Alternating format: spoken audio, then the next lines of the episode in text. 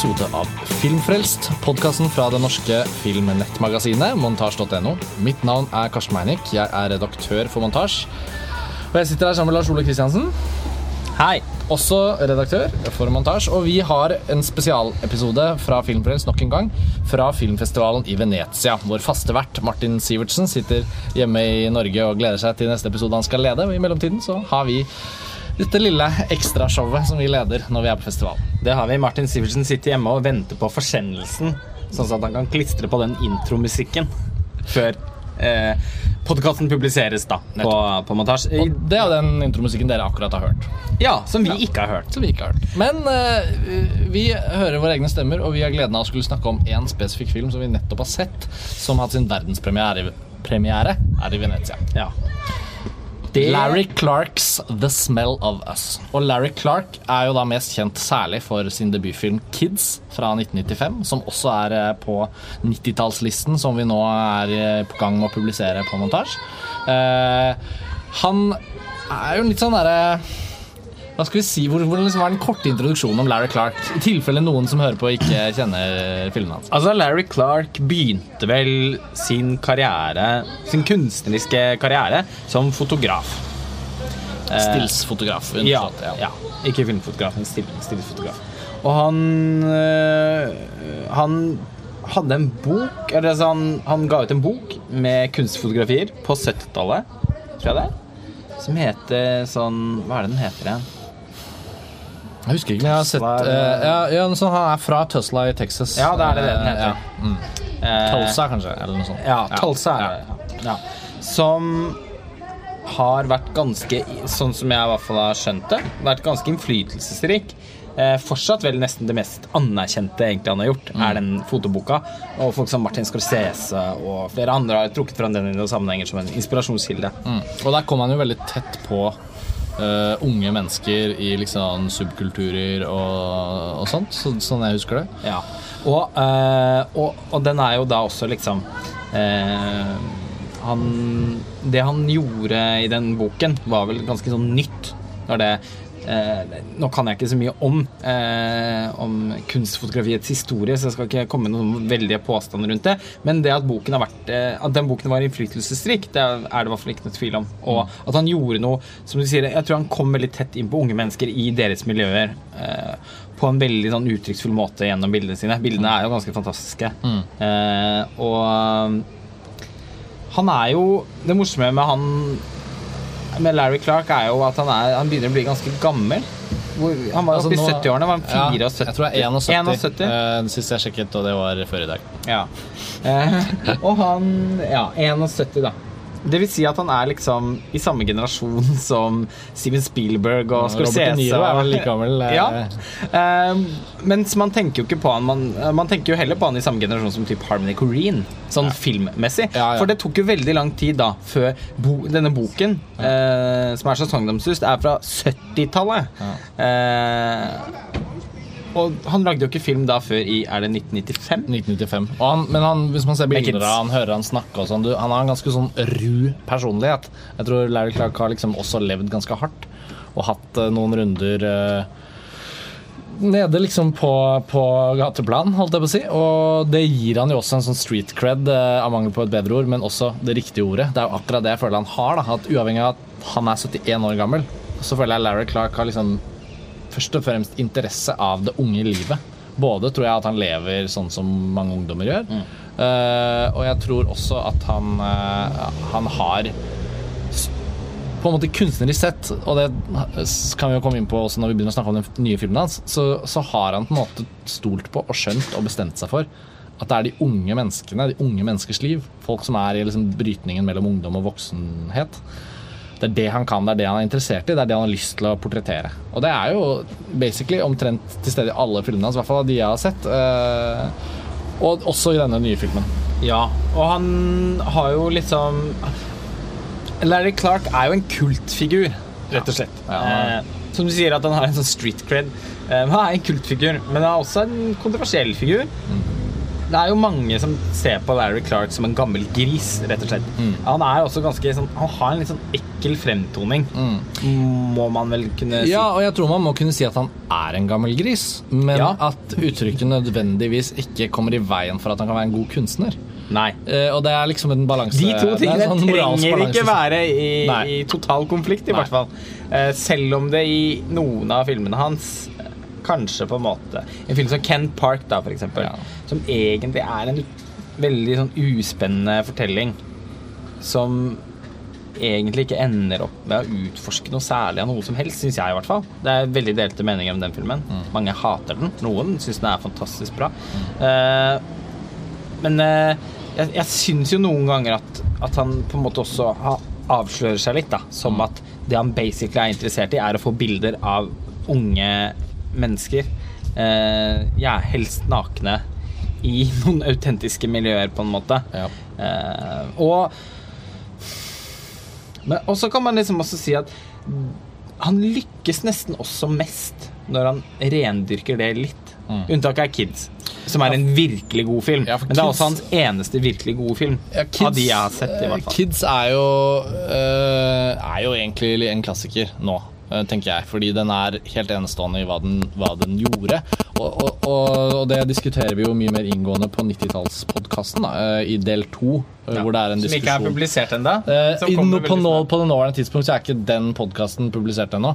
Men, eh, men eh, det er ingen hemmelighet at Kids er på listen. Og den, eh, den diskusjonen vi har der, går mer inn på selve filmen, selvfølgelig, så det, det trenger vi jo ikke ta nå. Men, men den var på en måte en independent-film på 90-tallet som skilte seg ut, som ikke nødvendigvis hadde noen spesifikk like. Det var ikke noe sånn, Han var ikke en del av et bølge eller et miljø. Eller jeg føler Han er veldig sånn der, han eksisterer litt sånn separat fra andre independent-figurer, hvis man kan si det sånn. Og så, er det dette med at filmene hans på en måte på sett og vis lager han litt den samme filmen hver gang. Uh, mens Kids er kanskje den som i størst grad var et miljøportrett som var litt sånn enestående i sin tid. Ja. Og skatekulturen og liksom New York før det ble helt ryddet opp og cleaned up. Liksom. Det var liksom sånn noe med at han tok det så veldig på kornet. Og fortellingen i manuset til Harmony Corrine i Kids er jo også veldig sånn der, Det er sånn akkurat på slutten av den verste liksom, første aids-bølgen.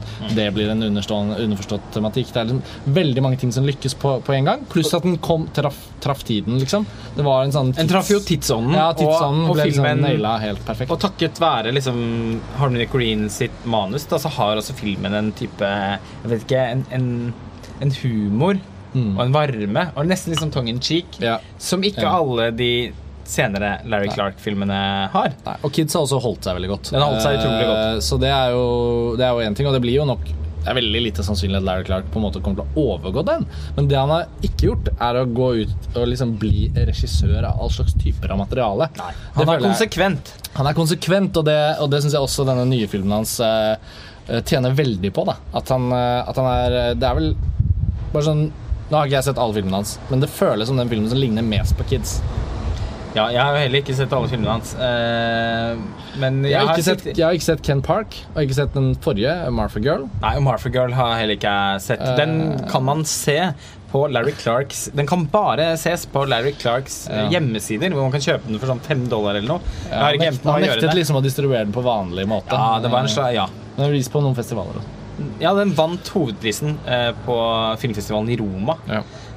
Så sånn sett så har jo den filmen egentlig fått en viss anerkjennelse. Den, jeg mener også å huske at den hadde en anmeldelse i Natt og Dag, hvor den fikk toppkarakter. Ikke umulig. Eh, jeg vet også at eh, vår kollega Sveinung eh, som er Vålerengen. De, Vålerengen, som er dedikert Larry Clark-fan, i motsetning til både deg og meg. Ja, for han er jo liksom vår hus-Clark-fan-spesialist. Ja, så da, Han sånn. skulle jo helst uh, sittet her uh, nå foran denne båndopptakeren, men det er ikke tilfellet. Uh, så vi får forsøke å kanalisere Sveinung inn i Ja. samtalen. Men han var i hvert fall Han har sett Martha Girl Ja. og var absolutt ikke begeistret for den. Nei. Og syntes at det var Larry Clarks svakeste film. Han har sett alle filmene hans. Mm. Eh, Ok, så noterte jeg meg det, og da mistet jeg litt interessen. Skal jeg være helt ærlig for å se den Mm. Nå, når jeg har sett denne, så ble jeg litt sånn Ok, kanskje man må gi den en sjanse likevel. Fordi han har jo laget forbløffende få filmer Forbløffende få filmer i det hele tatt, men også forbløffende få filmer de siste ti årene. Ja. Eh, mellom Ken, siden Ken Park Også Rockers var vel i 2005. Det er den eneste filmen han har laget mellom Ken Park og Martha Girl. Ja. Og Martha Girl er vel fra nå, forfjor, er det vel? Ja, 2013 tror jeg det er, faktisk. Men, eh, I fjor? Ja. Ja. Et og et halvt år siden, da. Ja. et- ja. Ja. ja.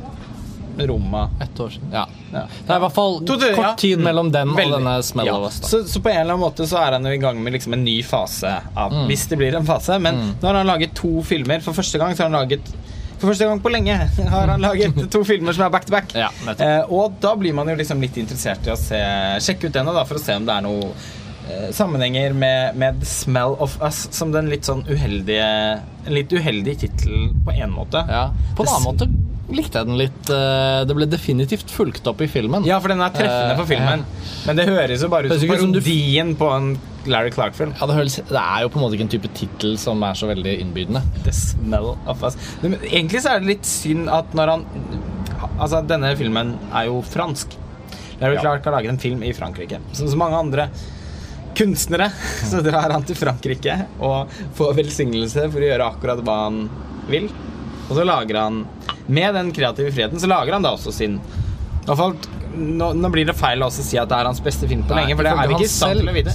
Ifølge han selv så er det det. Fordi Ja, ifølge han selv er det hans beste film. Før visningen i ettermiddag så skulle, var jo rolle, altså skuespillere, produsenter, andre involvert i filmen var til stede og fikk applaus. Og så var det beskjed fra scenen at Larry Clark han har personlige problemer og kan dessverre ikke komme. Men han har sendt en mail, og i mailen så, som ble lest opp, så sa han blant annet And, I'm, and I think this is my best film. Typ. Eh, takk for at dere har kommet, eller takk for at dere filmen. Og i hvert fall med det Men jeg skjønner, jeg kan godt skjønne at han føler det. Han tenker nok at han har kommet langt i denne filmen med det han ønsker Og Det han er mest opptatt av. Det han er mest opptatt av. Det er vel kanskje noe med Frankrike også som velsigner eh, Det- Men, men med tanke på hva man vet om det franske synet på filmkunsten, og at all produksjonsstøtte så ut til å ha kommet fra franske kilder fransk, Ja, det så man jo på forteksten. eh, Nettopp. Eh, Det presenteres i all hovedsak som en fransk film, og den er på fransk. Og Det det er- er, ja. egentlig bare det at Larry Clark har laget den, som gjør den eh, Det er- ja. ikke fransk. Ja. Men eh, det, det, det, det virker som at han kanskje har liksom pustet litt friere i det miljøet, da, og at han kanskje har følt seg veldig sånn støttet på en eller annen måte. Det er blir litt spekulasjoner, men det virker som Ja, men det litt han da på- sier det at Ja, Det er litt på samme måte som når Brian De Palma laget Fan Fatal, eller David Lynch gjorde David, Inland Empire. Altså, det det blir David Cronberg nå, Maps to Stars, Ja. som altså han Ben Said Said. Ja, De finner liksom produksjonsmiljøer utenfor Amerika. Ja, og Kanal Pluss i Frankrike, Studiokanal. Ja. Det er noe sånn Det er altså bare hele den derre Det miljøet der. Ja. Eh, det gjør Det er ofte litt sånn kunstnere som har vanskelige vilkår. Kunstnere høres veldig Film, regissører Ja. som har vanskelige vilkår der hvor de er. Ja. Eh, særlig da i USA. Og som ikke får lov til å Som ikke, som ikke får oppbacking rett og slett lenger til å lage det de har lyst til. De liksom emigrerer ofte da til Europa og liksom enten han eh, Kanal Pluss i Frankrike og hele det liksom den greia rundt det, eller han derre Ben Saeed Said. Ja. Produsenten til Cronenberg. Eller han som har produsert. Ja, som også har produsert de to siste filmene til Eller ja, Passion til Brian De Palma og, Ja, og, ja. og eh, Fan Fatal. så han er jo litt en helt i mitt eh, hjerte. Ja, han er, Jeg så ikke akkurat hvem det var som sto titulert som produsent på uh, The Smell of Us, men det var i hvert fall dette franske, og det var åpenbart at Larry Clark selv var fornøyd. Og stemningen i salen var jo også ganske sånn Det var faktisk pakka. Det var noen som hadde stjålet plassen til en som hadde vært ute og kjøpt kaffe. Det var sånn snakking og så det var en sånn ja, publico-screening. Ja, det vil si at uh, halvparten Har kjøpt presse, billett, og halvparten kom halvparten billetter eh, Ganske mange pensjonister i salen. Ja, og så begynte jo folk å gå litt når de verste sexscenene satte i gang, og det tok vel ikke mange minutter. Uh, for dette er jo en meget. Larry Clarks filmer jevnt over er jo ganske eksplisitte, men, men veldig sjelden liksom sånn Eller jeg føler at du kan se eksplisitte filmer og føle at liksom filmen angriper deg med noe du ikke ville se. Det er ikke det at det ikke kan dukke opp i Larry Clark-filmer, men jeg føler at Larry Clarks måte å være eksplisitt på er veldig sånn Uh, innforstått med det han filmer. Du føler ikke egentlig at det miljøet han portretterer, kunne vært det samme uten at han gikk så nært at han kunne, kunne på en måte portrettere det eksplisitt, og som sikkert foregår, øh, men som på en måte kanskje føles litt sånn vel nærværende i Larry Clarkson-filmer. Hvis man først er litt sånn Altså, man, kan jo, for det. man kan jo noen ganger kjenne på en viss sånn ambivalens, i hvert fall i møte Ja. med, med en del av de bildene som Ja. Larry Clark Ja. serverer en med. eh, serverer. Men eh, likevel så skal det vel sies at han har jo da som Altså på en måte som Som fotograf og som, som, som visuell kunstner har han en veldig interesse for kropp, Ja. og på samme måte som Gauguin Ja. eh, Ja, malte sine ta tahitianske jenter. Ja, altså han er jo litt der. Eh, og det kan er man jo faktisk en ganske god parallell. Ja, og det, må, det, kan, og det kan man Det kan man ha litt problem med også, tenker jeg. Det, det er naturlig at uh, man møter filmene hans med litt sånn blandede følelser. Men eh, han Jeg føler også at han er, og særlig i denne filmen, veldig sånn ærlig på det. Ja. Eh, han introduserer filmen som ja, The Smell of Us. Det jeg skulle si da, var at den hadde hatt litt godt av en fransk tittel når det først var en fransk film. Det er et veldig godt poeng. Det er Ways of Løvre de eller noe sånt. Ja, det var liksom hva heter en- Og du toalett. ja, det ble tullete, da. Men jeg skjønner veldig godt hva du mener. At det hadde vært kulere om den het Ja. The Smell of Us på fransk. Ja, det- Fordi ja. Tittelen når den står på skjermen, er på engelsk. Og Ja, så det sånn Det synes jeg var en sånn lost opportunity. Ja. Eh, men ok, det er en superdigresjon. Eh, en av mange vi har hatt så langt i denne Men Det var en veldig fin start, da. Filmen. Filmen var en fin start. Eh, film, for det var det som jeg skulle komme fram til. Jeg prøvde å hjelpe deg litt. Ja, takk. At Larry Clark Det første vi ser, er Larry Clark. Han ligger som en, en fyllik. Med kallenavnet Rockstar. ja, så ligger han liksom smurt utover bakken, litt sånn gispende etter pust etter en sannsynligvis lang natt. Og så er det skatere på en sånn skateplass i Paris som bruker han som liksom Som et hinder. Og noen dulter borti han, og noen ramler av brenn. Ja, de tar Ollie over han, og det er liksom veldig mange Og han ligger der utstrakt, nesten som en sånn trestokk. Ja. Og, det, og, og så er det faktisk noen scener til med han, da. Hvor han liksom De liksom røsker han opp, og Det er tydeligvis at han er litt en venn av kidsa i det miljøet. Og det er en scene hvor han blir tatovert sånn i halvfylla på armen. Han pisser han, i buksa sånn mens han ligger der. Ja. Pisser i buksa i en sånn kjempelang kameraføring ned mot skrittet til Larry Clark inn i noen sånn bak en Ikke sånn veldig uavslørende boksershorts. Nei. Eh, men på en måte så føler jeg da at Larry Clark iscenesetter seg selv som det Som liksom Som oppfatningen av den han er. Ja. Grisen. Han svarer på kritikerne, på en måte. Ja. eh, han som bare liksom Som nesten aldri lager filmer, og som bare flyr rundt og Ja, ja. drikker og tar masse bilder av unge ja, Knapt gutter og jenter. ja. Eh, og liksom her, her er han, liksom. I sin Og det var noe et eller annet med at Det var veldig at, at de ungdommene da Ja. er de som håndterer den situasjonen. At de kjører over han med skateboard. Og liksom Ja. bare, mm, Nå er det du som er fremmedelementet her. Og han har sannsynligvis plukket folk i Paris som er en del av disse miljøene. Jeg kan ikke skjønne Det føles veldig sånn. altså Castingen, du følger det jo alle, nesten alle hans filmer, da, selv om han ofte bruker folk som er skuespillere, blir skuespillere. Så Ja. føles det likevel som at han velger Altså- folk som på en eller annen måte bare er Larry Clarks rollegalleri, og han må bare finne dem, for de fins, og så Ja. bare flipp, inn med deg. Og tenk som han fant de Kids. Ja, herregud. Med Rosario Dawson og Chloe Sevigny. Ja, så, så han har jo et, men etterpå så har han vel ikke oppdaget fullt så mange, da. Men, eh, Men men alle Bijou Phillips eh, fra Bully var jo liksom Det var potensialet. Ble ikke noe av det, da, men Nei. Ja. Og det er noen her som kanskje har litt potensial. Jeg synes i hvert fall filmen, eh, selv om det føles nesten feil å si at Eller sånn, den er godt spilt. Det blir litt sånn Den har, den har, den er har ikke spilt i særlig grad. Nei, for, og det er jo kvaliteten. Ja. At Det føles nettopp ut som man har funnet noen folk i dette miljøet. Han har fått med seg noen av de som er villige til å kle av seg. Som Flest, fleste, egentlig. da de aller, de aller fleste. Om de ikke de kler av seg, så filmer de at de andre har kledd av seg. Så det er på en måte Ja. Og det er jo Det må man liksom Det, det må man i en Larry Clark-film. Ja. Eh, så- men så virker det også som han da Og det er liksom Det er måten jeg kan tolke den innledningen til filmen på. At han på en måte Det er som han vil fortelle oss at han er den han er, og han har havnet i Paris. Ja. Og han lager, har laget denne filmen sammen med disse ungdommene. Og det bærer den preg av. Det blir også liksom tydeliggjort i bruk av forskjellige videoformater. Masse kamera på iPhone, eh, utstrakt bruk av pikselering, også for en, som en stiliserende effekt. Mm, veldig bra effekt, syns jeg også. Og, og jeg synes det du, du sier er veldig sant med at det føles som om filmen er et sånt eh, kollektivt prosjekt. At han eh, både bokstavelig talt viser at han er underlegen disse kidsa. Han legger seg på asfalten, de hopper på han med skateboard. Da har han på en måte satt tonen for at dere kan si hva dere vil, men dere skal ikke, dere skal ikke komme her og si at jeg overstyrer på en måte hvilket univers dette er. Selv om han selvfølgelig egentlig også gjør det. Han er jo regissøren av filmen. Men du har helt rett i at uh, ungdommenes uh, deltakelse uh, virker veldig genuin. Og det Ja. virker også, kommer også frem gjennom deres komfortable nærvær foran kamera.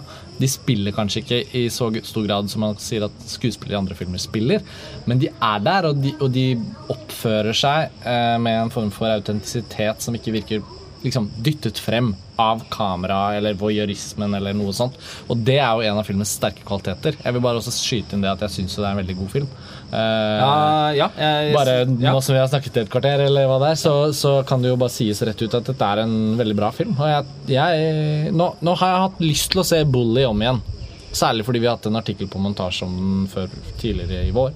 Hvor eh, filmen ble diskutert litt sånn nøyere, og så er det lenge siden. Så tenker jeg sånn, den skal jeg se igjen. Ja, samme Men- for Jeg likte ikke den så Nei. godt da jeg så den. Nei, men så men- etter etter å ha lest Ida Hestmann ja. sin artikkel, Ja. så eh, så fikk jeg veld, kjente jeg et, veld, Ikke bare lysten, men jeg kjente et oppriktig behov for å se den filmen igjen. Ja. For å kunne liksom mene noe ordentlig om den. Ja. Jeg likte det- den ikke så godt, altså, da Nei, men det er den jeg føler jeg skulle likt å se igjen. Utover Ja. det så føler jeg vel at The Smell of Us er liksom den nest beste filmen til Larry Clark.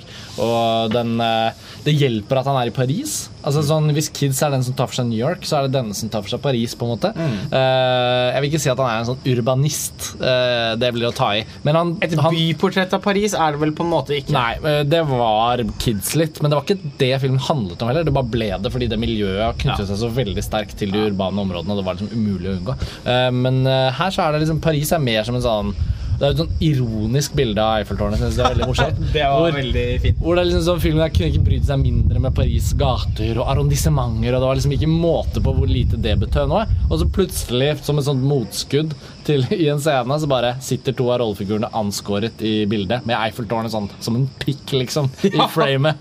Ja, det var Eh, nesten så jeg satt ja. og ventet på at en av de skulle lage en visuell joke. Rundt.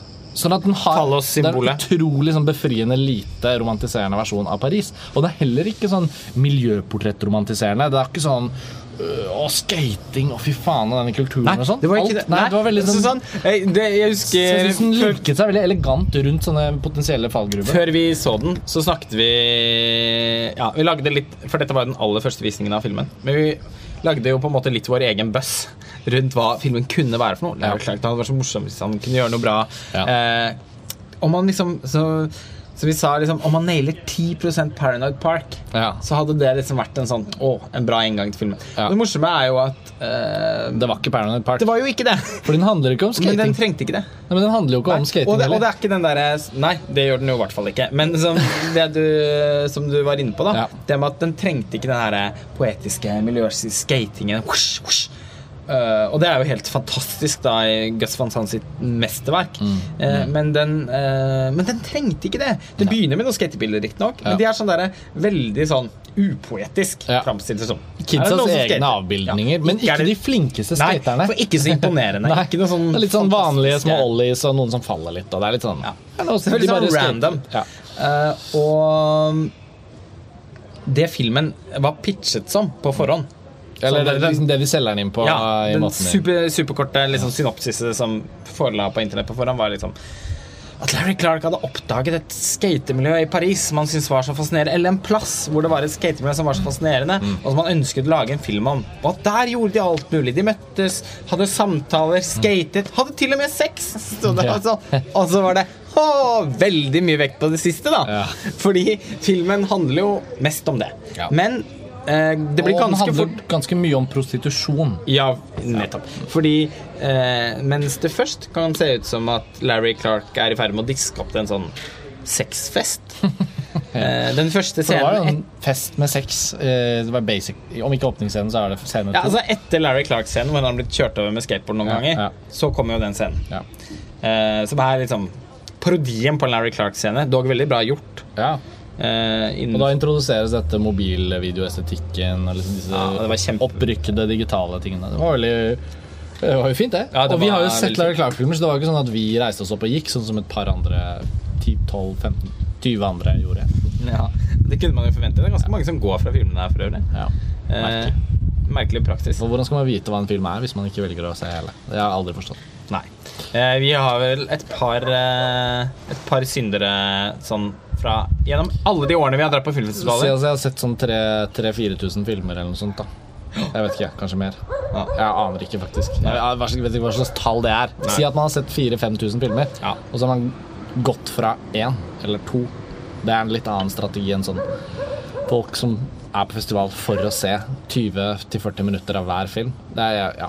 Nei, det er en egen debatt, men jeg syns det er helt hårreisende. Men Jeg tror man har ulike agendaer eh, Ja, på ja, festivalen. Det, er, det er mange som går på filmfestival for å enten bare som publikummer som vil være pleased, på en måte, eh, med et eller annet pass, som er heller har sånn- lyst til å rekke neste visning. Og så er det de som jobber med å kuratere filmfestivaler og sånn. Som, som på en måte må De vet hva de skal ha. ja, De må egentlig. smake på filmene, og de vet at hvis filmen ikke funker etter 40 minutter, så er det ikke noe for den festivalen. Så sånn sett har jeg for, veldig forståelse for det. Ja men, man, men vi som er her for å eh, for å, både for å snakke om filmene og dekke festivalen på montasje, men ikke bare det. Vi er jo også her for å sam, samle film. Ja, på vi er på utkikk etter de gode filmene, Ja, så vi kan ta med oss, og så kan vi kan Jeg syns det er sammenlignbart med et måltid. Ja. Jeg er her for å liksom spise film, tross alt. Så skal jeg ha dem i meg. Jeg vil ha hele filmen. Ja. Jeg skjønner ikke poenget med å bestille noe på restaurant, spise én bit, så bare sånn Ja, takk, det var ikke helt det jeg var ute etter. Men Nei. Nei, men det, er Anyway, anyway, det var det er jo fordi at vi er her som um, kritikere, da, ja, så ja. blir det jo essensielt å se. Og det, og det fins også filmkritikere her Ja. som, eh, som man legger merke til at jevnlig går mm. fra film til film. Og det tror jeg i hvert fall vi er enige om at vi har litt problemer med å forstå. Men det er noe så, festivalkultur er, eh, det er, det er ikke det samme for alle. nesten tema for et egen Ja. podcast I alle fall. Ja. Det var mange som gikk etter denne første ganske eksplisitte uh, ungdomssexscenen. Og etter det, hvor man faktisk sitter da med en sånn slags sånn følelse av at Oi, skal han liksom Skal dette bli den sånn ultimate uh, kontroversielle Larry Clark-filmen? Men så kommer han inn på et spor ganske raskt som, som, blir, som gjør at det blir ganske annerledes. Eh, han, dette er en film om prostitusjon. Ja. Så ja, utelukkende her, I denne filmen så handler det jo spesifikt om uh, gutter som prostituerer seg. Ja. Uh, men jeg syns det er liksom temaet prostitusjon den dekker. Det har ikke noe å si at det er guttene i denne filmen. Det er ikke sånn nei, spesifikt om gutteprostitusjon. Men altså unge som er sånne Ikke call girls, men Ja. call boys. Escort boys, Escort- som de kalte det. Ja. Eh, som Fra det miljøet, da. Skatemiljøet. Fra skatemiljøet. Som lever et på en måte utsvevende liv i utgangspunktet. De har liksom brutt med hjemmet sitt. De har lyst til å leve sine egne liv. Det er jo et slags sånn anarkisme, et slags opprør. Ja. I hele deres livsstil. Vet ikke helt hva de, hvor de Hva de skal. gjør, men nei, og vet ikke hva de Nei. gjør opprør mot heller. Nei, bortsett fra at vi får et par hint senere i filmen. Ja.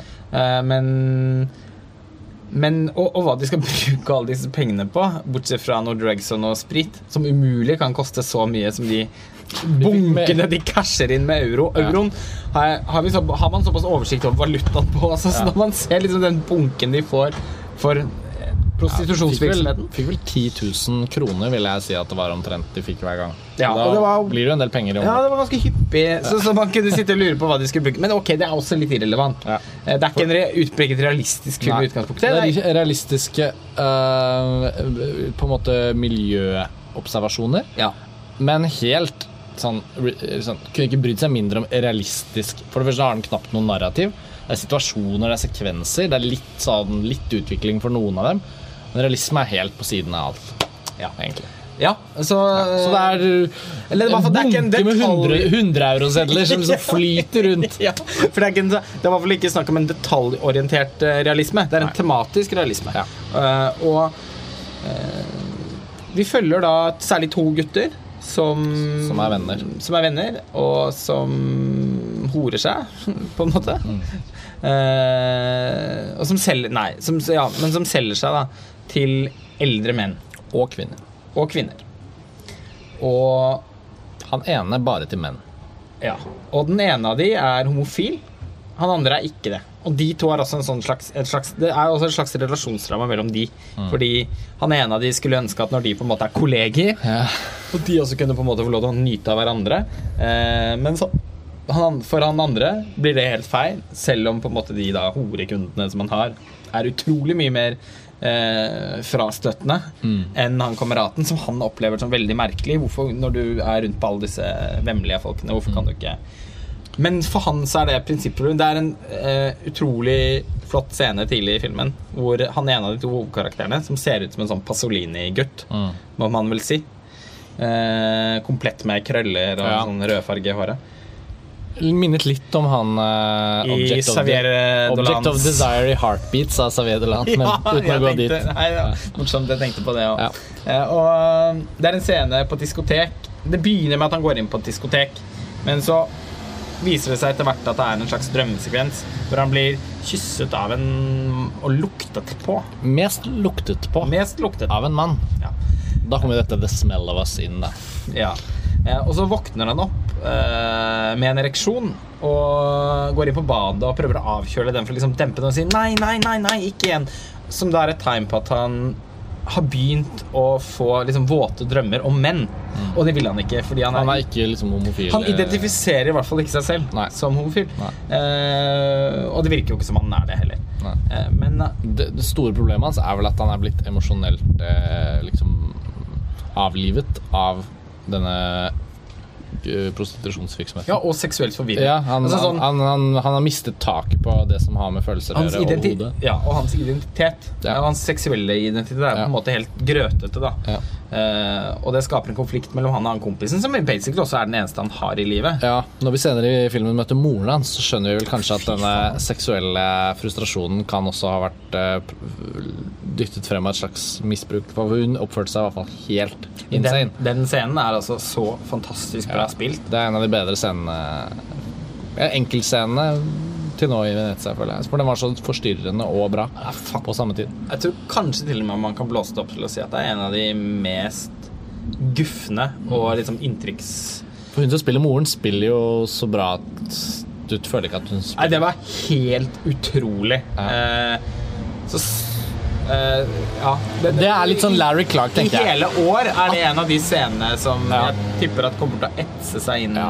Og at Larry Clark får det skapt, på en måte. At han får av- med seg aktørene. Det avslører jo et talent da, Ja, som går det- utover det å lage Nettopp. Og alle som kaller bilder. ham bare en gammel gris, må jo på en måte på et eller annet tidspunkt også si til seg selv Er dette filmbilder som man ser ofte? Er det noen som klarer å sette, sette liksom bilder til disse tankene og ideene? For det er ikke et sånt én-til-én-forhold mellom hans liksom grisethet og, og det eksplisitte. Det er ikke sånn i de filmene, i hvert fall ikke de beste filmene hans. da Verken i Kids eller i denne så syns jeg at det han Ja, det er det, og det er det. Men det er jo som filmverk noe annet som oppstår, som han oppnår. Han har scener i filmene sine som er helt sånn uovertrufne, egentlig. Eh, fordi det er en kombinasjon av en sånn gritty nærhet. Han har liksom åpenbart total kontroll på innspillingssituasjonen. Ingen er ukomfortable. Eh, han får skuespillere til å liksom Han klarer å bruke skuespillere som går helt ut av liksom skuespillerfunksjonen.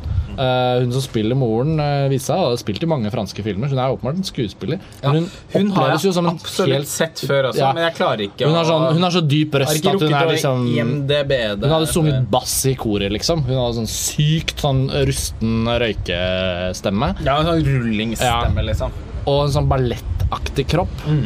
Men gammel. Muskler men gammelt gammel Ja, skinn. sånn senete og, ja, og sener. og så litt gammel, men akkurat ung nok til å kunne ha vært moren hans, men fått han da hun var 41 eller 42. Ja, eller sånt. ja. Så det er bare sånn, det er en ubehag Men altså, jeg bare tilskriver Jeg må synes, syns Larry Clark skal ha det, da. Jeg føler at det han klarer liksom nesten sånn sjamansk mane frem i de beste av scenene sine, det er noe sånn helt sånn påtagelig spesielt. Og, og, og tematikken rundt, rundt liksom, møtepunktet mellom en oppvekst, et opprør og en form for sånn Ja, altså prostitusjonen, men som en sånn som en sånn last resort, eller som løsningen som ikke er løsningen, løsningen som er problemet, etc. etc.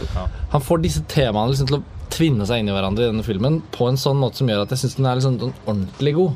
Ja, helt enig Det er ikke bare det at liksom, det er fett å se en Larry Clark-film, og fy faen, liksom. Men det er sånn fordi han har ikke en historie heller. Så det er ikke sånn at du føler at det er et manus. Du føler ikke at du har liksom fortalt Nei, for det er jo ikke noen filmfortelling. fortelling. Det, Det er bare en det- hel masse situasjoner. Det skaper uforutsigbarhet. Ja, som sånn- og jeg tipper at mye, veldig mye av liksom narrativene er skapt i klipperommet.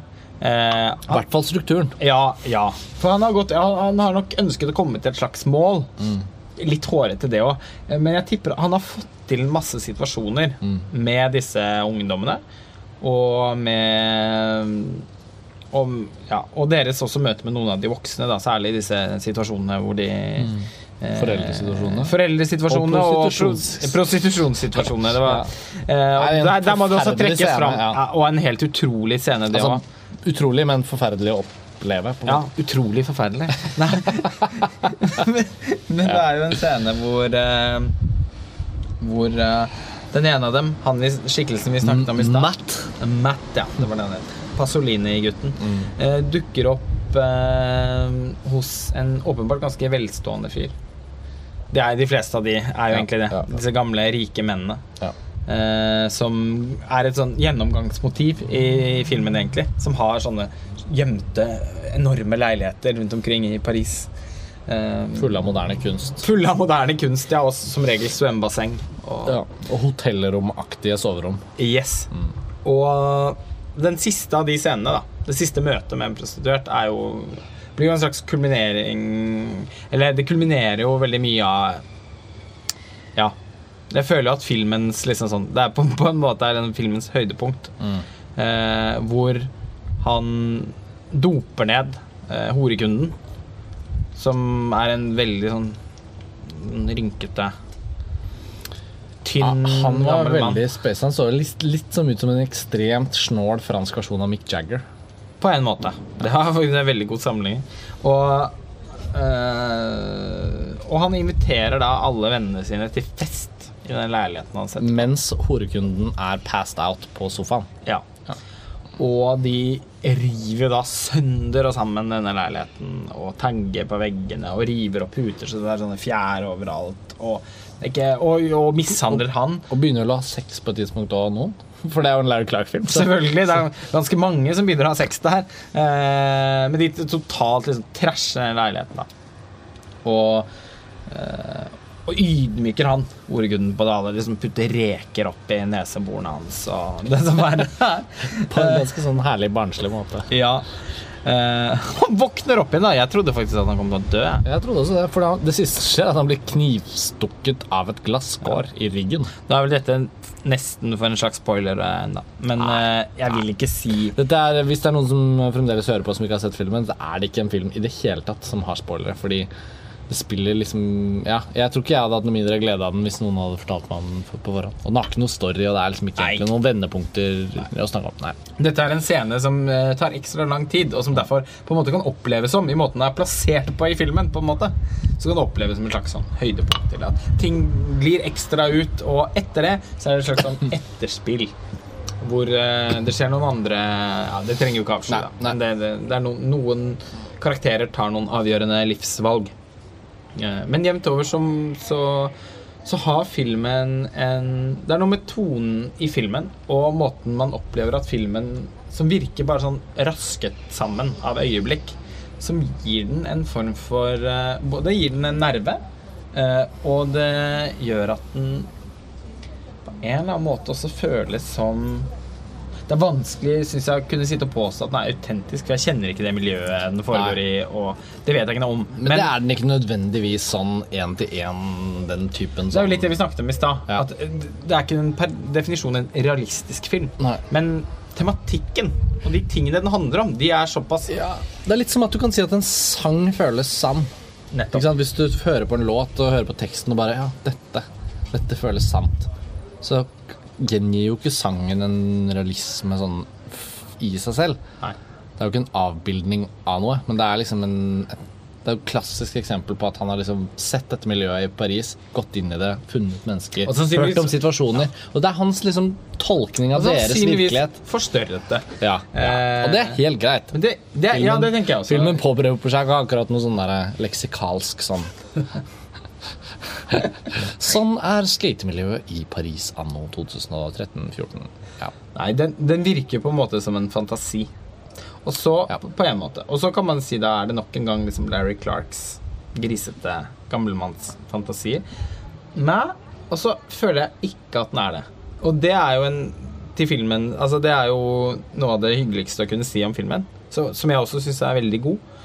Ehm, det er på en måte at den føles ikke ut som jeg, jeg føles ikke bare ut som det er hans blikk i filmen. Jeg syns, jeg syns faktisk at det han signaliserer med å opptre i filmen på den måten han gjør, og la disse ungdommene overkjøre seg, bokstavelig talt Ja. eh, Jeg syns eh, det virker som om det faktisk er tilfellet. Jeg syns ikke Jeg syns Larry Clarks blikk er mer dempet enn det er i f.eks. Kent Park, da.